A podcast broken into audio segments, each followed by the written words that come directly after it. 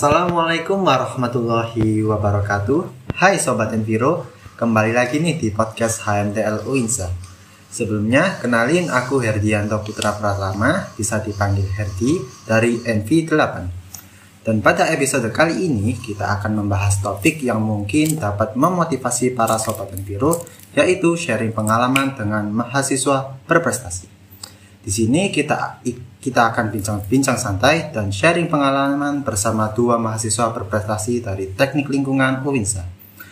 Langsung aja kita kepoin dua narasumber kita yang pada keren-keren ini. Yang pertama ada Kak Abdillah Hashim Rafsanjani dari NV, NV7. Halo Kak Hashim. Ya, halo, halo, halo. Dan yang kedua ada Kak Muhammad Dipa Reza dari NV8. Halo Kak Dipa. Halo. Oke. Kak Hashim dan Kak Dipa, gimana nih kabarnya sekarang? Alhamdulillah baik. Alhamdulillah baik. Sejauh ini sih baik-baik aja. Oke. Alhamdulillah semoga kita selalu diberikan kesehatan, keselamatan, dan kesejahteraan. Lalu apa aja nih kesibukan dari Kak Hashim dan Kak Dipa selama sebulan ini? Untuk kesibukan sih ya di rumah terus mungkin cari-cari referensi untuk uh, cari-cari referensi untuk kegiatan-kegiatan yang akan datang untuk departemen itu hmm. seperti itu. Hmm. Kalau Kak Dita? Uh, kalau dari saya sendiri sih uh, ya apa namanya belajar mengatur waktu juga apa namanya mungkin healing ya kan lagi libur kan healing terus apa namanya KRS-an lihat lihat hasil hasil hasil semester kemarin seperti itu sih hmm. kegiatannya. Oke. Oke, kalau gitu yuk kita kembali ke topik pembahasannya BTW dari Kak Hashim dan Kak Tipa pernah ikut lomba internasional yang yang diadain UINSA itu enggak sih? Pernah. Ya benar. Oke. Mungkin bisa dijelasin nih apa sih lomba itu? Jadi untuk uh, lomba UISC atau UINSA International Young Scientist itu uh, diadakan oleh uh, UINSA yang di mana itu uh, berkolaborasi dengan universitas yang berada di Malaysia seperti itu. Jadi untuk uh, perlombaannya itu atau kompetisinya itu memang diadakan secara internasional dan diikuti oleh beberapa mahasiswa yang berasal dari uh, beberapa universitas di dunia seperti itu. Dengan Universitas Malaysia? Ya. Oke. Untuk pertanyaan-pertanyaan pertanyaan pertama nih dari perlombaan itu gimana sih awal mulanya dari Kak Hashim dan Kak Tipa sampai emang itu lomba tersebut, tersebut kayak cara daftarnya atau tahu info tentang lomba itu itu dari mana? Mungkin bisa dijelasin. Jadi uh, jadi untuk uh, informasi lomba itu sendiri memang dari universitas atau dari fakultas itu memang memang untuk mengharuskan mengharuskan dari ma setiap mahasiswa di FST itu untuk ikut. Jadi untuk dari kaprodi sendiri itu memang mengharuskan mengharuskan di mana? Mengharuskan ada surat edarannya itu. Jadi oh. ada surat edarannya di mana uh, di surat edaran tertera mewajibkan untuk uh, mengirimkan perwakilan atau delegasi untuk ikut di kompetisi itu. Jadi dari prodi teknik lingkungan kebetulan alhamdulillah alhamdulillahnya itu kita juga uh, mengirimkan dua kelompok atau dua tim yang salah satunya adalah uh, dari tim Mas Dipa seperti itu. Kalau dari Mas Dipa sendiri Uh, jadi awalnya itu eh, nggak uh, tahu awalnya. Terus uh, kan ada dapat edaran dari Mas Hasim ini. Uh, oh ini ini Dipa ada ada lomba nih. Kamu mau ikut nggak? Ajak teman-temanmu seperti itu. Terus ya kita mikir wah dibayarin mumpung dibayarin fakultas kan lomba lombanya. Jadi nggak keluar dari saku uang saku sendiri gitu loh. Terus akhirnya ya ngajak ngajak teman-teman akhirnya ikut sekalian belajar sekalian ngobrol seperti itu awalnya. Jadi ya awalnya sih nggak terlalu serius lah nggak niat banget untuk untuk itu cuman buat belajar aja seperti itu. Uh, oke okay. berarti dari kak Hasim dan kak Tipa ini nggak setim ya? Beda iya, tim? beda tim. Iya beda tim. Karena hmm. memang uh, dari Kaprodi sendiri juga menuntut untuk uh, mengirimkan tidak hanya satu tim seperti itu mungkin bisa dijelasin uh, siapa aja yang yang ya, dari tim Kak Hasim sendiri dan Kak Tipa sendiri itu siapa aja? Oh kalau dari tim timku ya dari tim satu lah istilahnya itu ada ada Mbak Nurul Laili Cantika sama Mbak Mbak Mbak Mbak Umul Khoir dari NV7 NV8 jadi eh, setiap tim itu maksimal ada tiga anggota jadi dari tim saya itu ada Mbak Nurul sama Mbak Umul seperti itu Kalau dari Kak Dipa, Kalau dari tim saya sendiri itu ada tiga orang. Yang pertama itu saya sendiri, selaku jadi ketua timnya. Lalu ada Aisyah Sulika sama Belinda Safa Salsabila Supri dari NV8. Jadi tim saya ini full NV8 semua seperti itu. oh ya BTW nama timnya apa? Dari Kak Asin Kak Dipa. Untuk tim saya itu namanya eh, Camara dari 78. Apa maksudnya? itu memang kita buat ada fil- eh, filosofinya. Nah, untuk eh, angka 78 itu eh, menandakan angkatan di mana dari tim ters- tersebut itu ada anggota dari eh, angkatan NV7 dan angka angkatan NV8. Oh seperti itu. Dari Kak Dipa sendiri. Nah, eh, nama timnya itu kan eh, kalau dari tim saya itu Environmentalist Lab 8.0. Nah, ah, itu filosofinya itu seperti ini. Kita itu mahasiswa teknik lingkungan. Akhirnya eh, dinamakan environmentalis. Lalu kenapa kok 8.0? Karena anggotanya full NV8 seperti itu. Jadi menggambarkan dari eh, anggota kelompok itu sendiri. Oke. Aku boleh tanya nggak eh, apa eh, lomba yang di eh, KTI yang dilombakan itu judul dari setiap tim dari mungkin dari Kak Asim sendiri gambaran judulnya itu apa? Jadi untuk eh, dari judul tim eh, Camara dari 78 ini sebenarnya kita mengangkat dari penelitian yang sudah yang sudah ada di mana penelitian ini memang sudah pernah dilombakan dari Oh. kakak tingkat kakak, kakak tingkat dari angkatan NV3 tetapi di sini mereka tidak eh, beliau-beliau ini secara garis besar untuk penelitiannya memang belum belum apa ya belum belum belum sekomplit eh, yang dilombakan kemarin yang diikutkan di lombanya Winsa kemarin. Nah untuk secara eh, garis besarnya itu dari tim Jamara dari itu kita mengangkat tema eh, lingkungan di mana yang kita angkat itu masalah dari masalah dari eh, bangunan masjid ataupun masjid-masjid yang biasanya itu memang belum bisa dikatakan eh, ramah lingkungan. Makanya kita itu be- punya inisiatif untuk membuat eh, salah satunya di Masjid Win Sunan Ampel itu kita buat atau kita inisiatifkan untuk dibuat eko masjid seperti itu. Jadi kita olah kembali limbah air wudhunya terus eh, kita arahkan ke atau kita jadikan ke pengairan sumber pengairan di urban farming itu jadi secara garis besar kita eh, untuk judulnya itu integrasi integrasi dari polikultur atau poli polikultur itu kalau istilah dalam pertanian itu kita bisa menanam beberapa tumbuhan.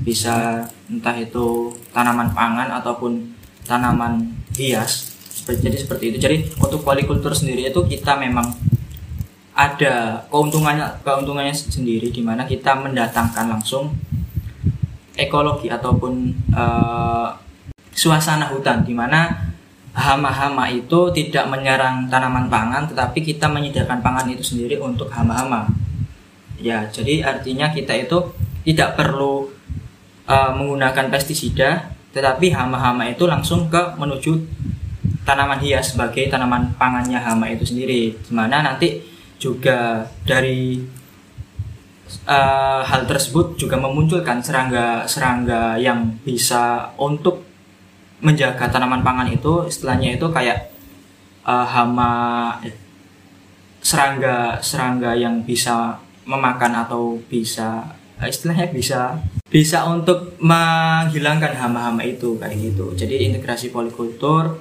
dari eh, pemanfaatan limbah air wudhu sebagai pengairan urban farming seperti itu. Oh, keren banget nih latar belakang dari kelompok KTI dari Mas Hasim. Mungkin dari Kak Dipa? Eh, iya, jadi tim saya itu ambil yang pertama kali itu ambil subtema integrasi Islami terhadap terhadap edukasi sains teknologi seperti itu. Nah, subtema ini itu kita awalnya juga bingung mau milih yang mana karena kan banyak kan subtemanya. Terus akhirnya karena dari kelompok saya itu ada yang berlatar belakang pondok juga, jadinya ya udah sekalian lah kita ambil subtema yang integrasi Islami ini seperti itu. Nah, untuk judulnya sendiri itu eh, Processing of Food Waste in Implementation of the Quran Surat Al-Isra verse 26-27 at the Baitul Makmur Islamic Boarding School Surabaya. Garis besarnya itu seperti ini. Eh, jadi di pondok pesantren ini, pondok pesantren Baitul Makmur ini itu ter- terdapat sampah sampah makanan seperti itu. Nah, kami dari kelompok kami ini berpikir bagaimana caranya supaya sampah makanan ini itu tidak berserakan dan dapat diolah kembali di pondok pesantren Baitul Makmur ini berdasarkan dan diimplementasikan berdasarkan surat Al-Isra ayat 26 dan 27 seperti itu. Dan kebetulan di pondok pesantren ini itu memang belum ada teknologi ataupun ataupun implementasi untuk mendaur ulang dan memakai sampah bekas makanan tadi itu uh, untuk tanaman dan sebagainya. Jadi itu salah satu kesempatan kami lah untuk untuk mem- membuatnya di pondok pesantren tersebut seperti itu. Hmm, baik, terima kasih. Oh, keren banget nih eh, dari KTI, dari kelompok Kak Hasim dan Kak Dipa ini latar belakangnya bagus banget. Nah, ini kan dari Kak Hasim dan Kak Dipa ini kan menjabat sebagai ketua tim ya. Nah, pastinya sebagai ketua tim kan pastinya harus koordinasi dari tim tersebut. Nah, mungkin dari Kak Hasim sendiri, gimana sih eh, cara koordinasi dari tim Kak Hasim? Ya, jadi untuk tim satu Iya. sebenarnya untuk tim satu untuk koordinasinya ini cukup cukup bisa dibilang cukup sulit karena memang eh, kondisi kita sebagai mahasiswa juga cukup padat oleh kegiatan kegiatan entah itu kegiatan hima ataupun kegiatan perkuliahan pastinya kita juga menyempatkan waktu untuk eh, berkoordinasi seperti itu. Jadi untuk pengerjaan proses pengerjaan dari eh, dari awal hingga selesai itu memang kita eh, punya target di mana target itu nanti eh, target tersendiri lah sebelum ada eh, sebelum datang dari lomba tersebut. Jadi untuk koordinasi kita melalui melalui WA group. Setelah itu setelah WA group kita buat eh, semacam kayak diskusi melalui Google Meet seperti itu untuk koordinasinya. Nah, selain itu juga kebetulan dari eh, tim-tim dari prodi teknik lingkungan itu kita juga dibimbing langsung oleh eh, Ibu Sinvi, di mana Ibu Sinvi ini eh, juga sangat excited, ya, sangat sangat bersemangat untuk membimbing kami.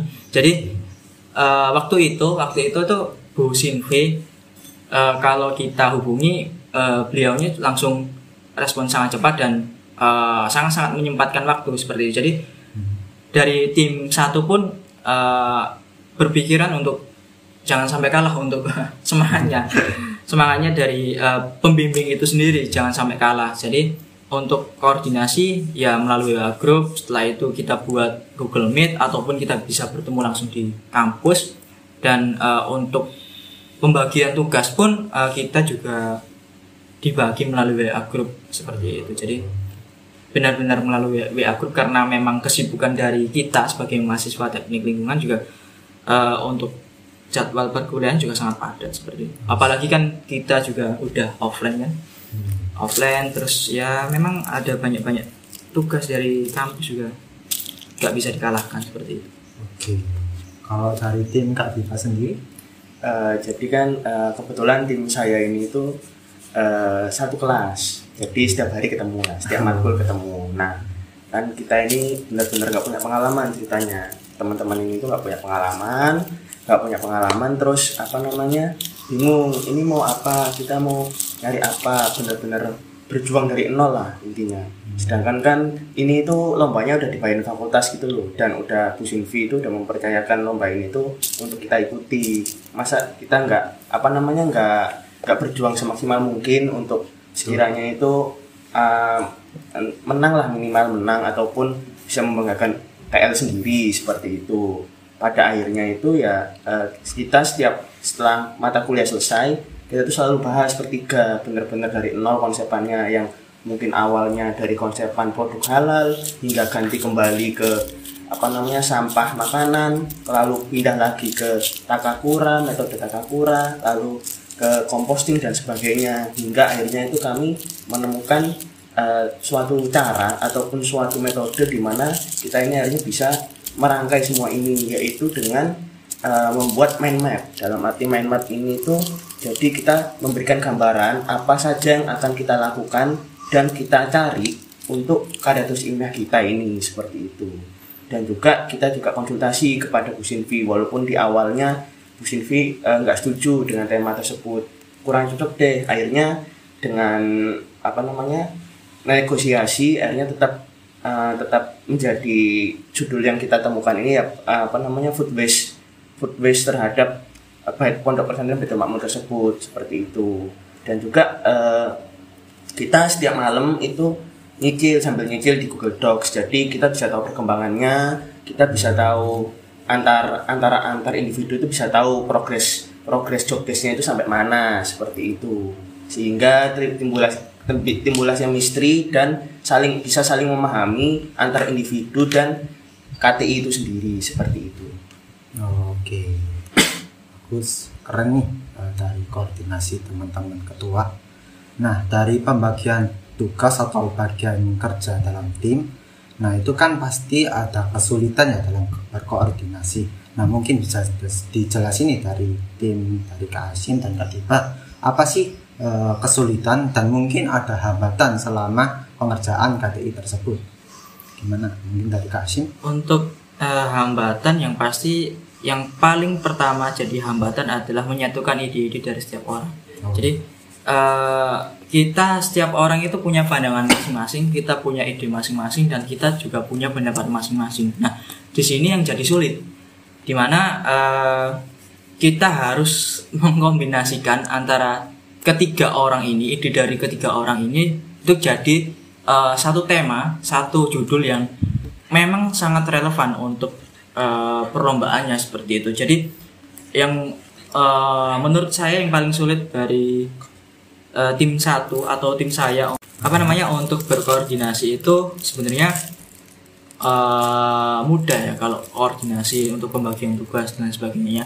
Mungkin di sini karena memang uh, perbedaan bukan perbedaan ya ada kan ini ada angkatan NV8 dan NV7 di mana dari NV8 ini sendiri itu juga punya kesibukan sendiri juga uh, dari Mbak Umul ini uh, juga anak pondok. Jadi hmm Mbak Umul sendiri itu juga punya kesibukan di mana uh, Mbak Umul hanya bisa mengerjakan di waktu-waktu tertentu. Kayak waktu-waktu kalau uh, Mbak Umul sudah selesai acara di kegiatan pondok sekitar malam lah pokoknya. Waktu-waktu malam hari seperti itu. Untuk koordinasi pembagian tugas mungkin uh, mudah. Cuman ya terhambat karena waktu dan kesibukan masing-masing. Nah untuk yang tadi yang sudah saya jelaskan ya yang paling menghambat dan yang paling susah untuk diselesaikan adalah menyatukan ide-ide dari hmm. pendapat-pendapat teman-teman itu. Jadi yang cukup memakan waktu ya itu. Kalau memang e, menyatukan ide itu sebuah kesulitan. Nah mungkin dari Kak Hasim apakah ada sebuah sebuah cara untuk menyatukan e, semua itu semua ide itu menjadi satu untuk uh, cara sebenarnya kalau kita cari eh, ide-ide yang terbaik itu uh, saya rasa dari teman-teman juga sudah benar-benar bagus ide-idenya. Cuman di sini yang kita ambil itu jalan tengah, di mana jalan tengah ini kita satukan, kita rangkai dari ide-ide teman-teman. Gimana caranya dari ide-ide tersebut itu juga cukup mewakili dari uh, perlombaan itu. Nah, uh, untuk caranya ya kita apa namanya kita klasifikasikan kita kita ambil benang merah dari ide-ide teman itu teman-teman itu biar uh, apa yang kurang dari ide-ide teman-teman bisa ditambahkan oleh ide yang lain seperti itu. Jadi eh, kita tidak menghilangkan ide dari salah satu orang tapi kita menyatukan dari ide-ide tersebut seperti itu. Oke, keren keren keren. Mungkin dari tim Kak Diva sendiri Eh, kalau kendala dari tim saya sendiri itu yang pertama karena kita kan benar-benar mulai dari nol ya. Kita benar-benar nggak tahu KT itu seperti apa ataupun cara ikut lomba itu seperti apa. Kan pasti berbeda tuh dalam membuat karya tulis biasa dan karya tulis yang dilombakan seperti itu.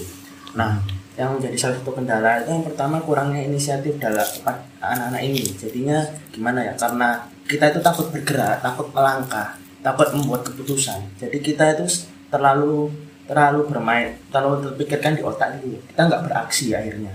Dan akhirnya itu malah membuang waktu. Sehingga apa namanya malah memperburuk ataupun memperlama uh, apa namanya memperlama pembuatan KTI itu sendiri seperti itu.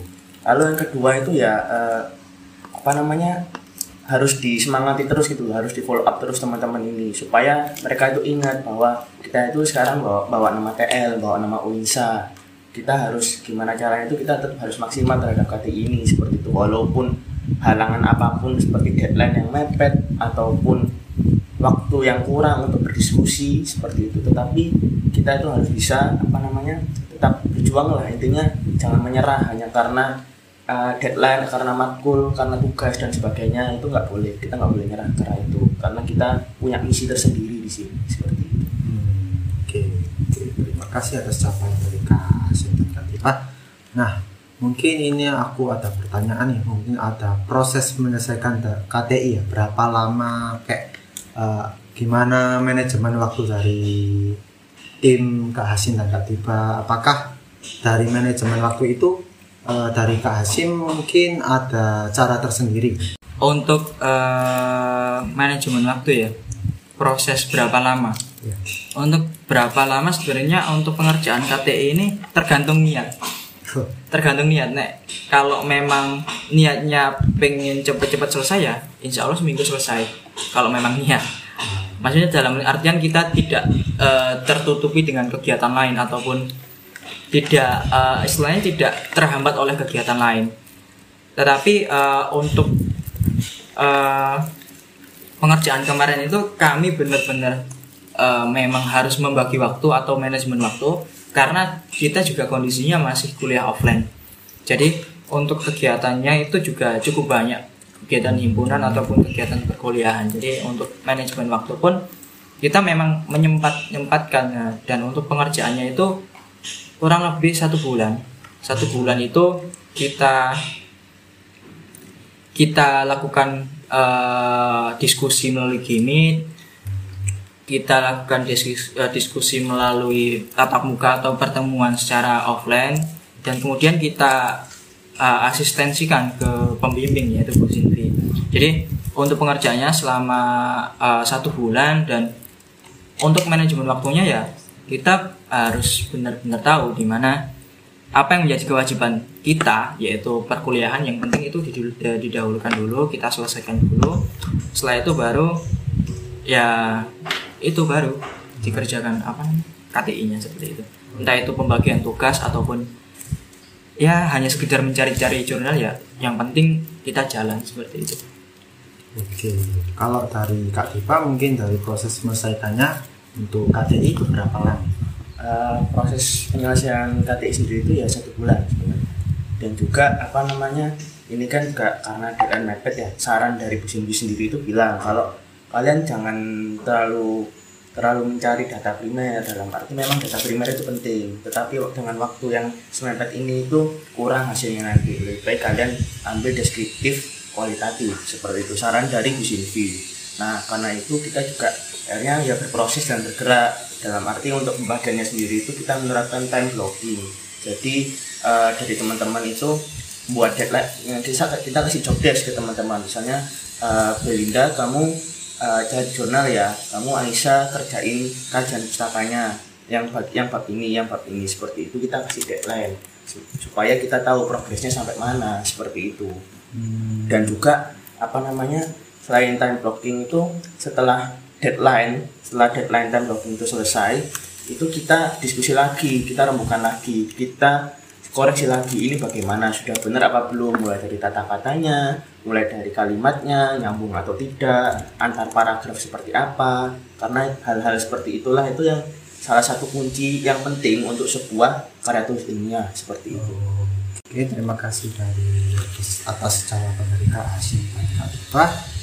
Eh, mungkin dari Kak Hasim atau Kak Tifa mungkin ada pesan nih buat para sobat Enviro untuk mengikuti lomba KTI apalagi dari lomba KTI ini kebanyakan dibiayai oleh kampus ya. Mungkin dari Kak Hasim atau Kak Tifa ada pesan buat teman-teman sobat Enviro. ya untuk pesan ya dari untuk teman-teman Enviro nih eh, untuk teman-teman warga HMTL khususnya ya untuk saya pribadi sih berpesan kepada teman-teman jangan pernah takut mencoba jangan pernah takut melangkah karena kita tidak pernah tahu apa pun hasilnya itu.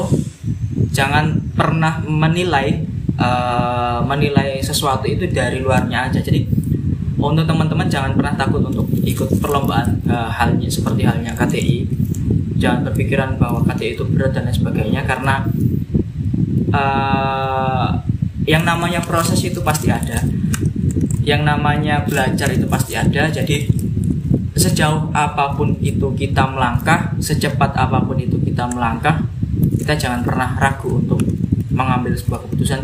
Yang penting keputusan itu eh, tetap yang terbaik. Bertujuan untuk menjadikan kita untuk lebih eh, jadi yang lebih baik seperti itu.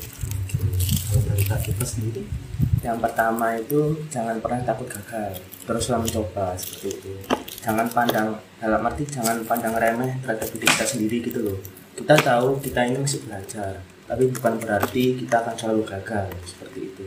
Jadinya eh, kita tetap semangat dan tetap mencoba lah apa pun yang terjadi eh, untuk membanggakan lingkungan UNSA itu eh, terutama untuk mater sendiri lah. Itu kita harus tetap semangat gitu loh. Dan jangan insecure dalam arti kita itu kan masih mahasiswa kita masih belajar. Jangan jangan jangan apa namanya jangan takut jangan takut terlebih dahulu hanya karena kita itu baru belajar atau baru memulai seperti itu. Apalagi kita terlalu memandang alma mater kita sendiri yang mungkin kurang dilihat kalau dilihat da- dari uh, mahasiswa-mahasiswa ataupun universitas universitas lain. Dan itu adalah tugas kita. Tugas kita ya membantu uh, teknik lingkungan UNSA dan membantu teman-teman ini itu untuk semakin semangat untuk membanggakan UNSA di luar seperti itu. Dalam artian lomba. Ini nggak berlaku di KTI aja ya mungkin lomba lomba semuanya yang intinya membawa nama UNSA itu sendiri seperti itu Oke, baik terima kasih atas pesan dan pesan Hasim dan Kak Tifa Eh, udah memotivasi para sobat Enviro nih. Eh, untuk Kak Tifa dan Kak Hasim terima kasih juga udah nyempetin jadi narasumber pada podcast kali ini. Dan buat sobat Enviro jangan lupa untuk selalu dengerin podcast HMTL Unsa dan tungguin next episode-nya. Eh, terima kasih. Wassalamualaikum warahmatullahi wabarakatuh. Salam lestari. lestari